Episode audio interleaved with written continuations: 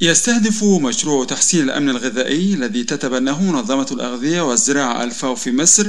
يستهدف النساء والشباب بالتعاون مع الحكومة المصرية لخلق بيئة آمنة غذائيا يتمكن خلالها النساء والشباب من الحصول على الغذاء الكافي والمتنوع من خلال المدارس الحقلية الزراعية كما يقول ممثل منظمة الفاو في مصر الدكتور حسين جادين. قمنا بتطوير مدارس حقلية حياتية للشباب والمزارعين. حتى يتمكنوا من تعلم الممارسات الزراعية الجيدة التي تمكنهم من إنتاج طعام صحي. هذا الطعام ليست بالضرورة إنتاجه في الحقل فقط.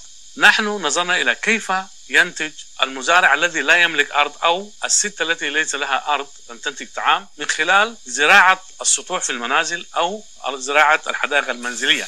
في محافظة أسيوط جنوب مصر طه فرج مزارع شاب يرى أنه تعلم من المشروع الأسلوب العلمي في الزراعة بدلا من الأسلوب التقليدي. تعلمنا نزرع إزاي البامية نزرعها بأسلوب علمي بدل الأسلوب التقليدي وإزاي نزرع الملوخية برضه ونهتم بيها ونعمل اكتفاء لينا ونزرع الطماطم والخيار. بنحاول دلوقتي نطبقها على كل المحاصيل وإن إحنا نستغل الأسلوب العلمي عن الأسلوب التقليدي في الزراعة. ويتم تطبيق مشروع تحسين الأمن الغذائي والتغذية في مصر في خمس محافظات هي أسيوط أسوان بني سويف الفيوم وسوهاج.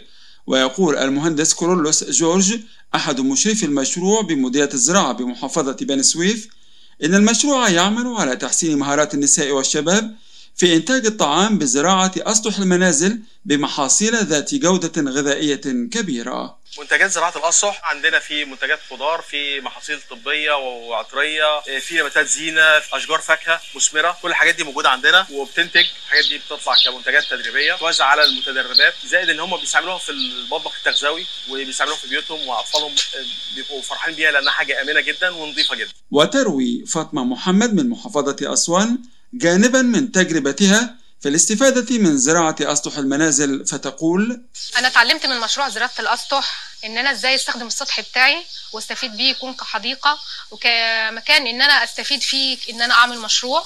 ممكن يكون مشروع مربح أو يكون مشروع إن أنا أستفيد بيه في بيتي. وينطلق مشروع تحسين الأمن الغذائي الذي تتبناه منظمة الفاو في مصر من ثلاث استراتيجيات رئيسية هي السلوك التغذوي والصحي السليم وإنتاج الغذاء في المنازل وبناء القدرات لتحسين الأمن الغذائي والتغذية لدى الأسر وذلك بهدف مواجهة سوء التغذية خاصة في صعيد مصر كما تقول منال جابر مدربة التصنيع التغذوي بالمشروع. من واقع المعلومات اللي عندنا إن القرى في الصعيد من أكتر القرى اللي عندها سوء تغذية وأنيميا نسبة أنيميا عالية في الأطفال لما لقيناها إحنا لازم إن إحنا نغير سلوكياتنا.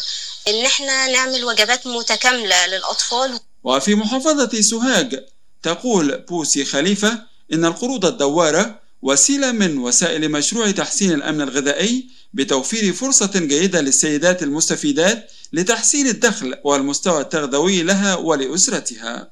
أنا ما كانش معايا أي حاجة خالص. جابوا لي مشروع ثلاث خرفان تسمين بالعلاج بالتسمين بتاعهم وقفت لهم ربيتهم كبروا بعتهم. جبت راسين الراسين ولدوا لي خرفان تانية بعتهم. جبت الألبان والمشاريع دي فعلا فعلا ساعدتني على إيه؟ إقامة معيشة حلوة وكل حاجة بقيت يعني في إيدي وبقيت في بيتي وكل حاجة يعني إيه؟ ملت بيتي بالخير كله. ويرى ممثل منظمة الفاو في مصر الدكتور حسين جادين أن المشروع الذي ينفذ في خمس محافظات مصرية حقق المستهدف من أجله بتغيير السلوك والنمط الغذائي للمستفيدين والمستفيدات. المشروع حقق أهدافه التي بني من أجلها. المشروع تمكن من تدريب أكثر من عشرة ألف شاب وامرأة في المحافظات الخمسة التي كان يستهدفها المشروع.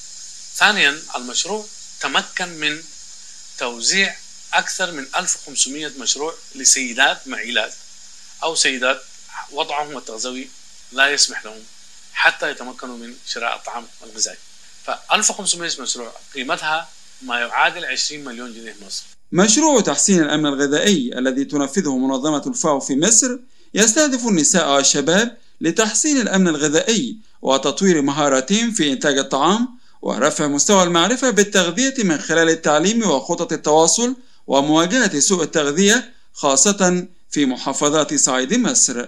خالد عبد الوهاب لأخبار الأمم المتحدة.